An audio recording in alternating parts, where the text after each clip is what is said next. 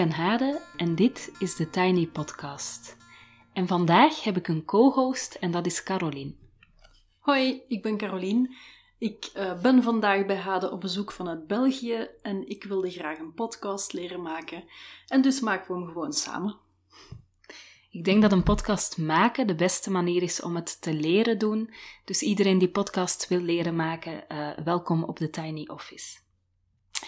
Vandaag is het uh, 13 september 2021 en vandaag checken we even in. Want dat doen we elke week op maandag in de Tiny Podcast. Voor de mensen die nieuw zijn, vertel ik nog even hoe dat gaat. Um, ik stel twee vragen en daarna ben ik een volle minuut stil. Dat vind ik altijd heel moeilijk. Um, tijdens die stilte kan je zelf even nadenken, gewoon in je hoofd, even met die vragen bezig zijn. Maar je kan de podcast natuurlijk ook op pauze zetten en schrijvend inchecken. Of je kan ook inchecken met een vriend, vriendin, partner, kind, uh, een vriendin, zoals ik dadelijk met Caroline, aan de hand van de gestelde vragen. Na de stille minuut ga ik zelf, dus vandaag samen met Caroline, normaal doe ik dat alleen, maar gaan wij zelf ook even inchecken bij jullie aan de hand van diezelfde vragen. En de vragen van vandaag gaan over kleine en grote uitgaven. Um, de eerste vraag is: uh, hoe groot is jouw latte-factor en wat brengt die jou? Voor de mensen die niet weten wat een latte-factor is, helemaal niet erg. Uh, het is een begrip dat ik ook uh, nog niet zo lang geleden heb leren kennen.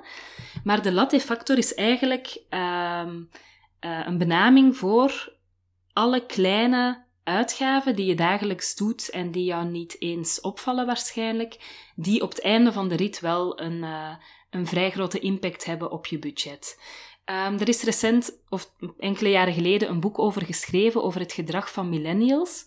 bijvoorbeeld het kopen van lattes, koffies uh, to go. Wat bijvoorbeeld veel Amerikanen doen. Als je elke dag zo'n koffietje koopt, dan kan je natuurlijk wel klagen dat je uh, geen huis kan kopen of de huur moeilijk kan betalen. Maar als je zeg maar naar zo'n kleine uitgaves kijkt, die bijvoorbeeld vorige generaties niet deden, omdat dat gewoon nog niet in de cultuur zat, of omdat de gelegenheid er ook niet was om die uitgaven te doen. Um, wacht, nu ben ik even mijn zin kwijt, maar dat soort kleine uitgaven die wij intussen heel normaal zijn gaan vinden, bijvoorbeeld een dagelijkse koffie, uh, hebben uiteindelijk ook best veel impact op het budget dat je maandelijks en jaarlijks te besteden hebt. Um, ik ga een voorbeeld geven. Caroline en ik hebben wat zitten rekenen en we weten dat die cijfers natuurlijk helemaal niet uh, kloppen. Uh, we hebben bijvoorbeeld ontdekt dat een koffie in Leuven duurder is dan een koffie die we net hebben gehaald uh, in Haarlem. Maar stel dat je voor 3 euro een koffie koopt per dag. stel dat je vijf dagen werkt en elke dag op weg naar je werk ga je een koffie halen van 3 euro. Wat dus in Leuven al niet zou gaan, want daar kost een koffie makkelijk al 4 euro. Um, maar dan zou je dus aan 3 euro per dag 15 euro per week uitgeven. Wat betekent dat je 60 euro per maand bijna ongemerkt uitgeeft aan koffie. dat is jouw latte-factor. Als je een modaal inkomen hebt wat wij inschatten als 2000 euro per maand, dan betekent dat dat, dus, dat die 60 euro per maand 3% is van je maandinkomen, wat min of meer ongemerkt naar koffie gaat. En om het nog erger te maken, heb ik ook even uitgerekend dat dat betekent dat je 720 euro per jaar aan koffie besteedt. Dus de eerste incheckvraag was: wat is jouw latte-factor ongeveer? Um, en wat brengt het je om bijvoorbeeld ja, die kleine uitgaven die jij dan specifiek doet, uh, wat brengt het jou om die te doen? En dan de tweede incheckvraag is wat uh, minder uh, uitgebreid. Wat is de grootste uitgave of de grote uitgave die jij recent voor jezelf gedaan hebt? En hoe verantwoord je die voor jezelf? Dus het gaat niet om een uitgave voor het gezin of voor het huis, of een verbouwing uh, of iets nuttig of nodig, maar echt een uitgave, een grotere uitgave voor jezelf. En hoe verantwoord je die? Voilà, wij gaan een volle minuut zwijgen. Uh, check rustig in en wij doen hetzelfde binnen één minuut.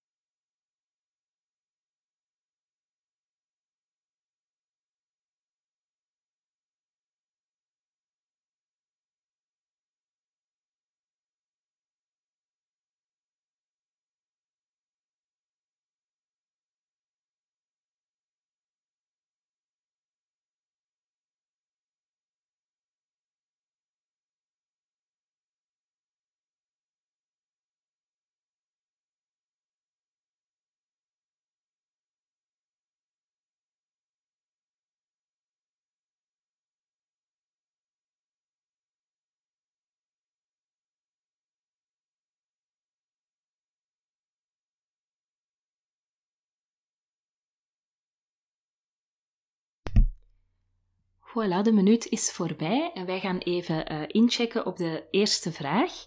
Uh, Caroline, hoe groot is jouw latte-factor en wat brengt het jou om uh, een latte-factor te hebben?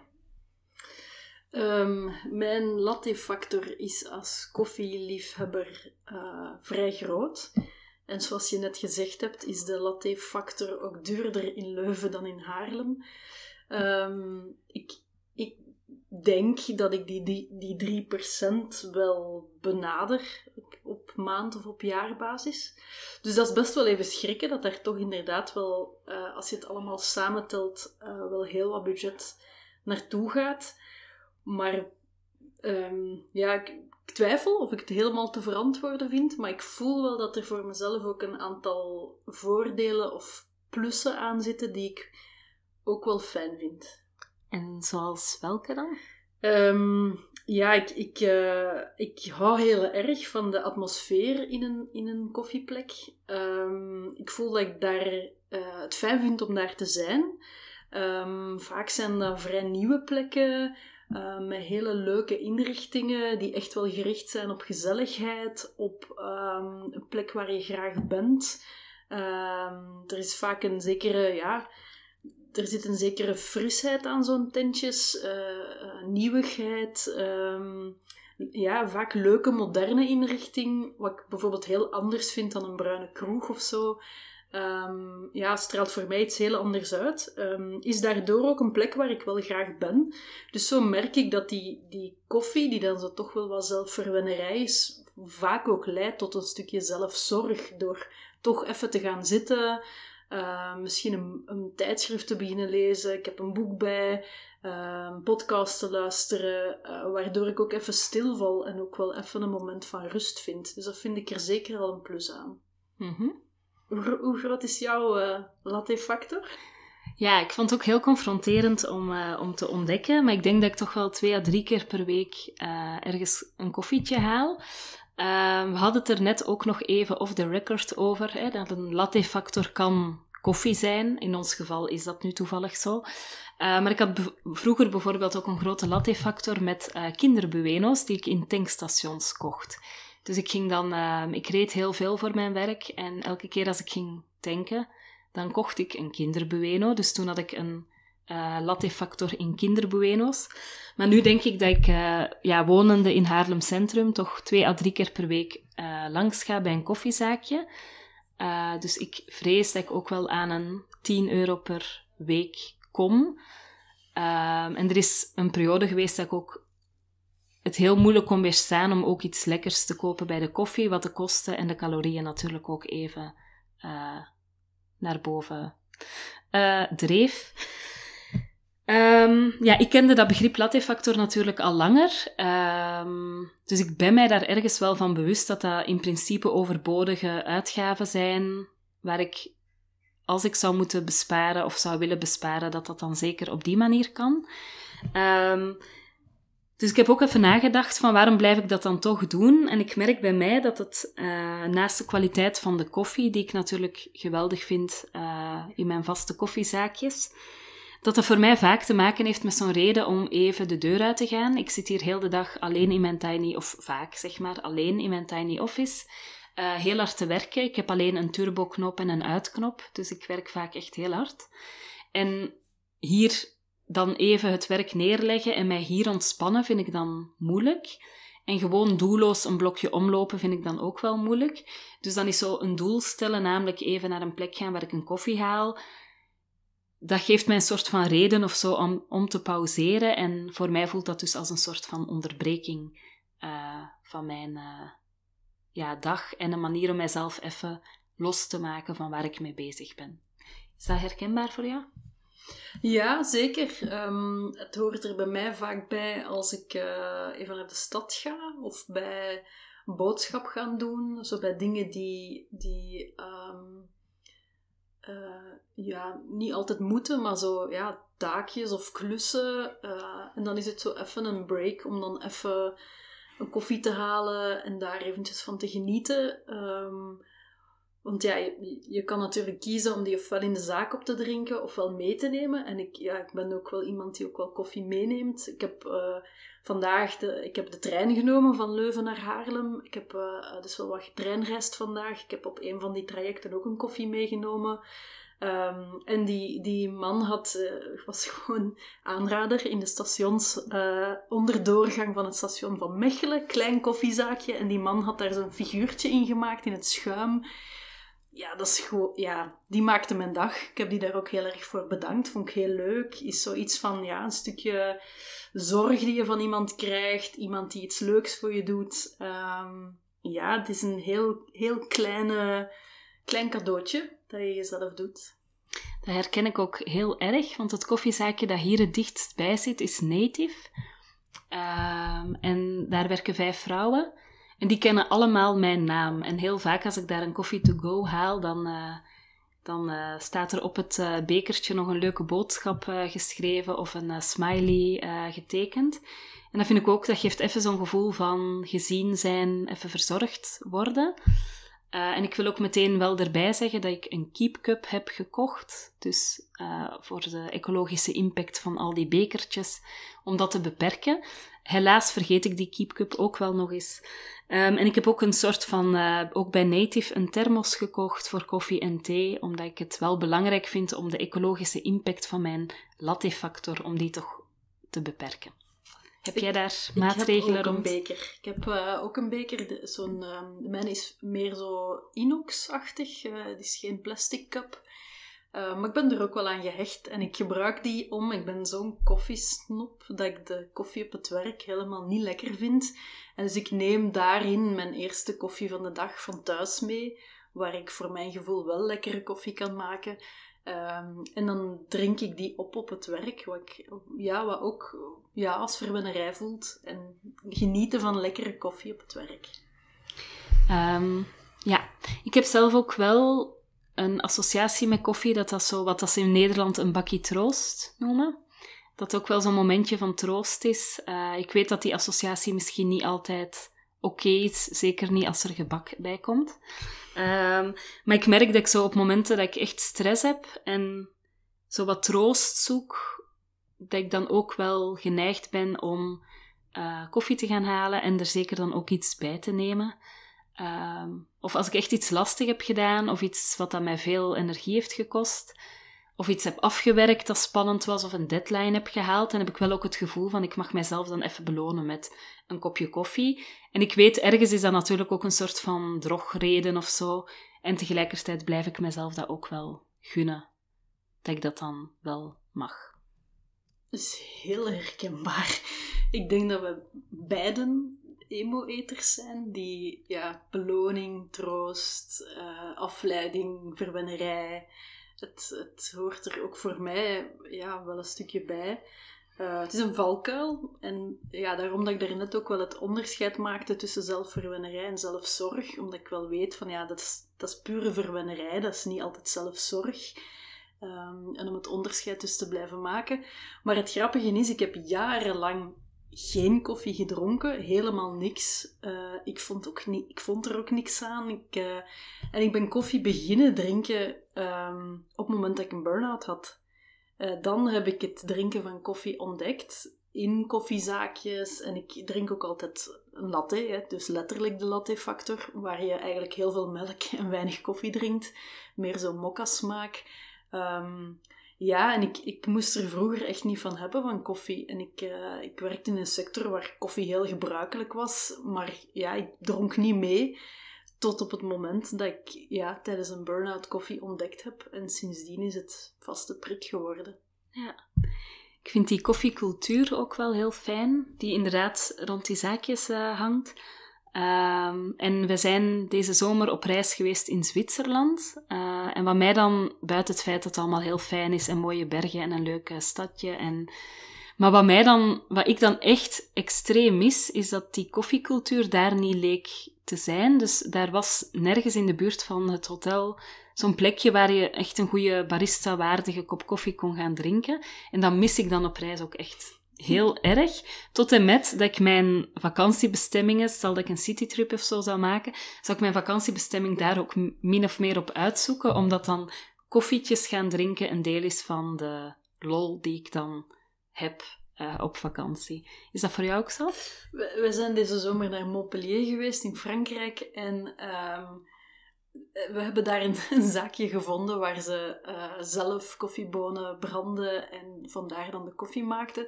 Was uh, een, een mini-terrasje buiten aan een drukke, ja, redelijk drukke weg, dus niet de gezelligste plek om te zitten.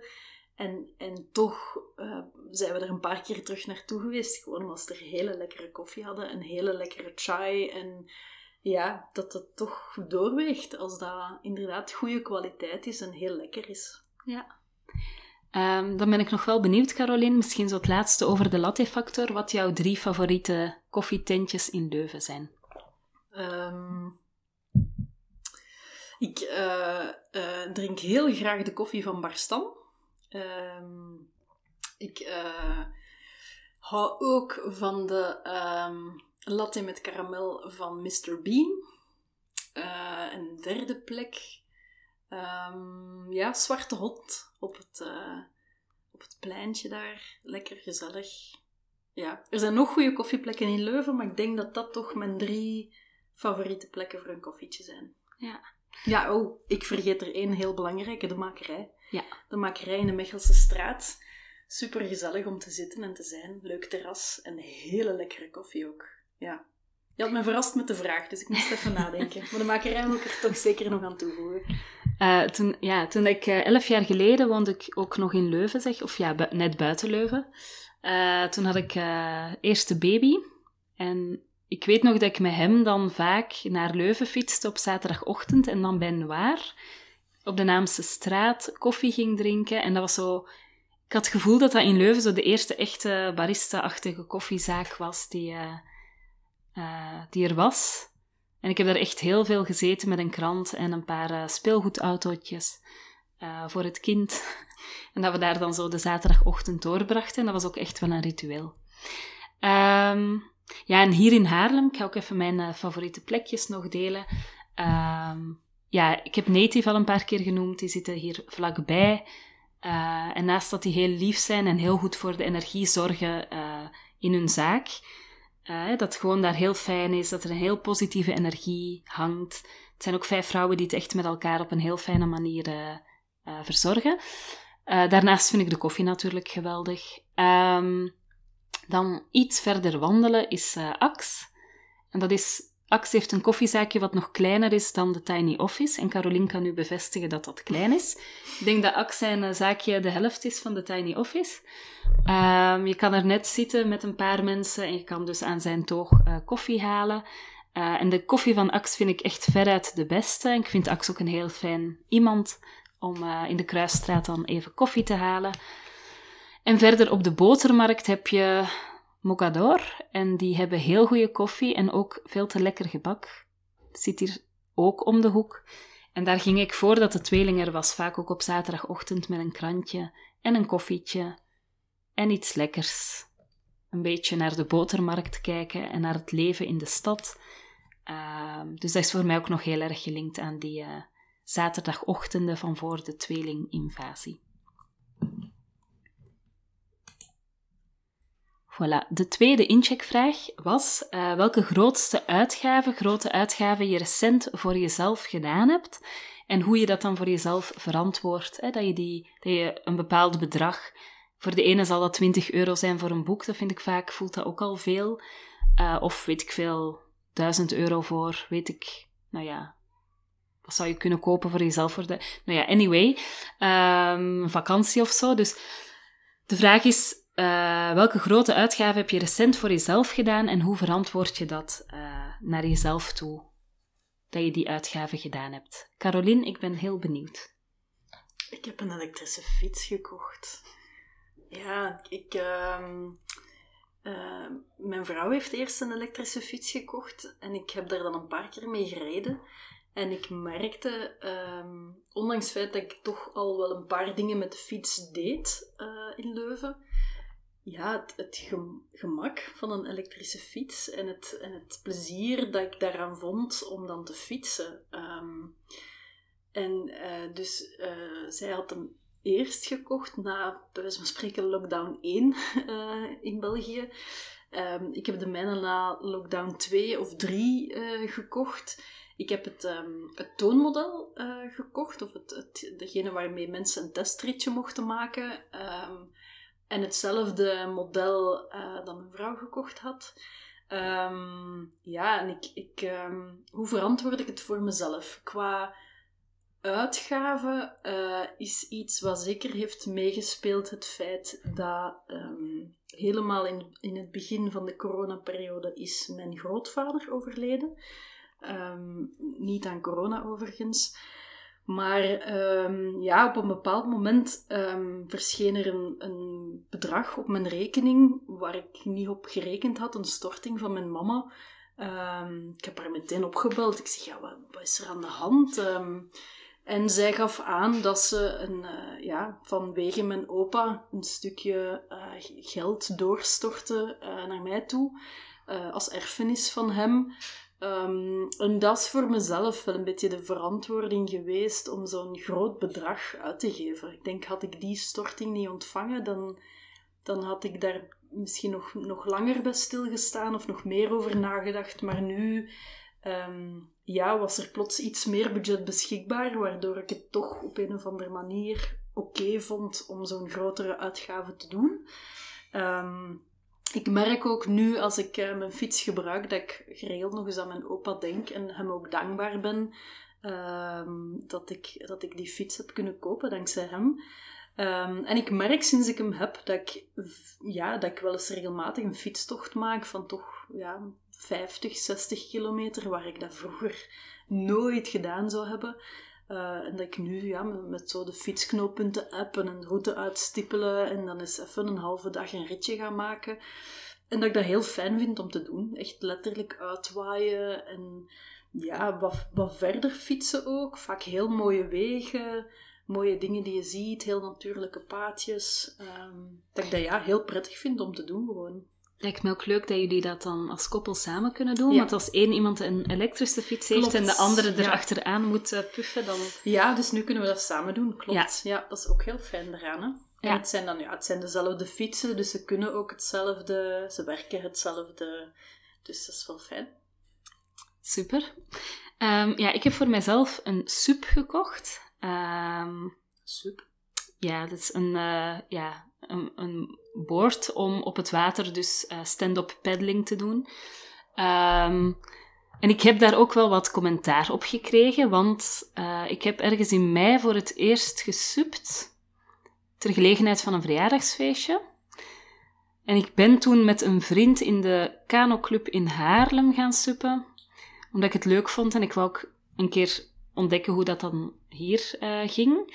En ik wist dat hij supte en hij kon mij dan meenemen op een sup van de club. Um, en toen ben ik lid geworden van de club hier. Uh, wat dat betekende dat ik ja, in het lidmaatschap zat dat ik gebruik mag maken van twee hardboards die dus uh, daar in het botenhuis liggen. Dus er is, was niet direct, ik kon gewoon suppen, ik kon daar naartoe fietsen, ik had een sleutel, ik kon die, een van die twee borden nemen en ik kon dan uh, gewoon het water op. Dus eigenlijk was de nood aan een sub met het lidmaatschap van die club al, uh, was daar al in voorzien. Um, maar ik had heel erg het gevoel dat dat super iets was dat mij deugd deed. Dat dat voor mij niet alleen ging om sport, maar ook om evenwicht, letterlijk, mentaal ook. Um, um, wat ik er ook heel fijn van, aan vind, is dat je niet gestoord kan worden. Dus ik neem mijn telefoon niet mee op mijn sub. Uh, je bent op het water, je kan niet zomaar afstappen. Uh, dus het heeft voor mij ook een soort van zen gehalte. En ik kreeg meteen zo'n soort van fantasieën van, ah, stel je voor dat ik dat veel beter kan en dat ik een eigen sub zou hebben die ik mee kan nemen naar andere plekken, uh, zodat ik van die mooie suproutes, ik woon in Nederland, dus dat kan je hier ook wel uh, vinden. Ik had ook een boekje gekregen met twintig mooie dagtochten eigenlijk per sub in uh, allerlei mooie natuurgebieden. Dus ik had meteen zo'n idee van, oh ja, met een eigen sub zou ik dus supdagen kunnen gaan doen. En dan kan ik zo ergens het water op en dan eh, ja, ben ik gewoon lekker uh, een dagje met die sup bezig. Um, omdat ik met heel dat suppen, ik, ik probeerde dan twee à drie keer per week wel te gaan suppen, maar ik merkte dat ik ook altijd wel bang bleef. En bijvoorbeeld moeite had met golfjes van boten om daar dan goed mee om te gaan. Dus ik heb twee lessen genomen bij een personal trainer, die uh, ook de Nederlandse vrouwelijke kampioensuppen is. Uh, dat vond ik ook al heel luxe, om twee uren eigenlijk met die vrouw dan ja, te werken aan mijn techniek en aan minder bang zijn en meer vertrouwen te krijgen, meer bordgevoel. Um, en ik denk dat ik toen een soort van een submicrobe heb gekregen en dat toen er zo ook wel echt een gevoel was van, oh ja, maar ik wil dan ook een eigen sub en ik wil die dan nu, want ik wil die dan eventueel mee op vakantie kunnen nemen, enzovoort, enzovoort. Dus toen heb ik mij door mijn personal trainer laten adviseren en heb ik een eigen sub gekocht, wat niet goedkoop was. Ik denk niet in, het, uh, in de grootte van, uh, van de elektrische fiets van Caroline, maar toch best wel duur voor een, ja, iets dat ik echt puur voor mezelf heb gekocht. Um, en ik denk dat ik dat ook heb gedaan om mezelf te verplichten om vol te houden met iets wat mij deugd doet. Uh, namelijk dat suppen, dat is iets wat ik fijn vind, wat mij deugd doet. Uh, wat ik graag wil volhouden, maar wat ook wel ondergesneeuwd geraakt door het dagelijkse leven. Uh, waarschijnlijk ook binnenkort, als het weer kouder wordt, wordt het ook moeilijker om mij daartoe te zetten. En dan staat er toch heel de tijd verwijtend een enorm pak in de gang waar een eigen sup in zit, die mij verwijtend aankijkt als ik hem lang niet gebruik. Dus ik denk dat ik mij met die grote uitgaven ook wel wou committeren aan die hobby die ik voor mezelf had uh, gekozen. Ik, ik merk dat dat toch ook iets te maken heeft met de, de potentie die erin schuilt. Ik, ik uh, hoor het zowel in mijn als in jouw verhaal. Zo wat jij zegt van de mogelijkheid om dagtochtjes met de sub te gaan maken. En uh, ik merk sinds ik die elektrische fiets heb, dat, dat ik ook denk over een, een klein fietsstripje van een paar dagen eens te doen. Zo de, de, de mogelijkheid die erin schuilt om zoiets te gaan doen, wat, wat een stukje vrijheid betekent, of een stukje inzetten voor jezelf, lijkt er toch wel in te schuilen. Ja, en stomme is wel dat ik dan niet... Weet je, ik had al lang op zo'n superdag uitstap kunnen gaan, maar blijkbaar zit daar wel een drempel dat ik dat dan niet zo makkelijk doe. Um... Maar ja, zo het idee dat dat kan, ja, dat is blijkbaar wel een heel aantrekkelijke gedachte. Ja. ja. ja. Ik zat nog even te denken van de, van de drempel als die financieel zou zijn. Um, vakantie is ook vaak een grotere uitgave. En daar hebben wij een, een gezamenlijke spaarrekening voor. Dus we zetten daar elke maand sowieso al een bedragje voor opzij. Um, gewoon omdat we dat heel fijn vinden om op vakantie te gaan. Weten dat dat een duurdere, grotere uitgave is die er niet op elk moment van het jaar even makkelijk af kan. Of toch niet zo voelt. Mhm. En daarom hebben we er gewoon een aparte rekening voor. Dus als, mhm als luisteraars zelf een grotere uitgave overwegen, is dat misschien ook een manier met elke niet gedronken koffie in een potje te doen en dan op het einde van het jaar al een grotere uitgave te kunnen doen. Ja, je zou zomaar kunnen eindigen met 720 euro als je je latte-factor... Uh, en voor dat bedrag kan je bijna een heel goede sub kopen. Dus in die zin, uh, als je dan nog iets van je eindejaarsuitkering erbij, uh, erbij doet, dan... Um, nou ja, dan kan je bijvoorbeeld een sub kopen. Helemaal gelanceerd. Yes. Uh, voilà, wij zijn ingecheckt. Uh, jullie waarschijnlijk intussen ook. En ik ga um, nog even eindigen met Carolien bedanken. Ik vond het heel leuk om een keer samen de Tiny Podcast te maken. Een heel andere ervaring. Insgelijks. um, en ik wil Annelore en Marieke ook even bedanken. Uh, zoals sommigen misschien weten, zit er in de show notes een betalingje. Dat is eigenlijk een sponsoring van mijn, uh, van mijn uh, Latte Factor. Dus je kan dat betalingje gebruiken om mij te trakteren op een kopje koffie. Ik trakteer jullie op deze podcast ik, waar ik nou ja, normaal gezien dagelijks een uur tot anderhalf uur mee bezig ben. En als je dus denkt van, nou, in ruil wil ik jou trakteren op een kopje koffie, dan kan dat dus via dat betalingje. En dat hebben Annelore en Marieke gedaan, waarvoor heel veel dank. Dan heb ik nog een paar praktische uh, opmerkingen, of mededelingen meer, en dan uh, ga ik afsluiten. Um, eerst en vooral wil ik graag vertellen dat dit de laatste week is, dus tot en met zondag 19 september kan je inschrijven voor het traject Leer er voor jezelf zijn. Ehm, wat ik bij FEMA in oktober ga starten. Een 10 weken traject rond zelfzorg. En dat kan voor deze laatste week aan de introductieprijs van 75 euro in plaats van de echte prijs van 120 euro. Ik zet het linkje in de show notes en uh, nou, heel welkom. Uh, ik kijk er naar uit om eventueel ook met jou in dat traject uh, te stappen. Mm. Dan wil ik ook nog vertellen, ook in oktober uh, start er een nieuwe vrouwencirkel op vrijdagmiddagen van 12 tot 1. Ehm, en van harte welkom. Ik zet ook het linkje in de show notes om daarvoor aan te melden. Er zijn nog een aantal plekjes um, en het kan heel fijn zijn om tien weken op rij elke week even te verbinden met andere vrouwen, even met elkaar min of meer in te checken en op die manier uh, ja, connectie met jezelf en elkaar te krijgen. En dan ook in oktober start de cursus Faciliteren voor Professionals. en dat is een cursus uh, waarin je leert, dus als professional, misschien ben je zelfstandige, misschien werk je voor een organisatie, om op een veilige, fijne manier een groep mee te nemen in een bepaald proces. Hoe bereid je bijvoorbeeld meetings voor? Hoe zorg je dat er veiligheid is? Hoe ga je om met kwetsbaarheid, met je eigen kwetsbaarheid? Uh, hoe structureer je dingen? Hoe baken je dingen goed af? Uh, hoe bewaak je grenzen? Enzovoort. Dat zit allemaal in die cursus en als je wil mag je mij een mailtje sturen uh, om je daarvoor uh, aan te melden. Voilà. Tot zover de Tiny Podcast uh, voor vandaag. Uh, je kan me volgen op Instagram, TheTinyPodcast. Als je je abonneert via bijvoorbeeld Google of Apple Podcast, in Spotify of in je favoriete podcast-app, krijg je telkens de nieuwste aflevering in je overzicht en normaal is dat dus elke weekdag.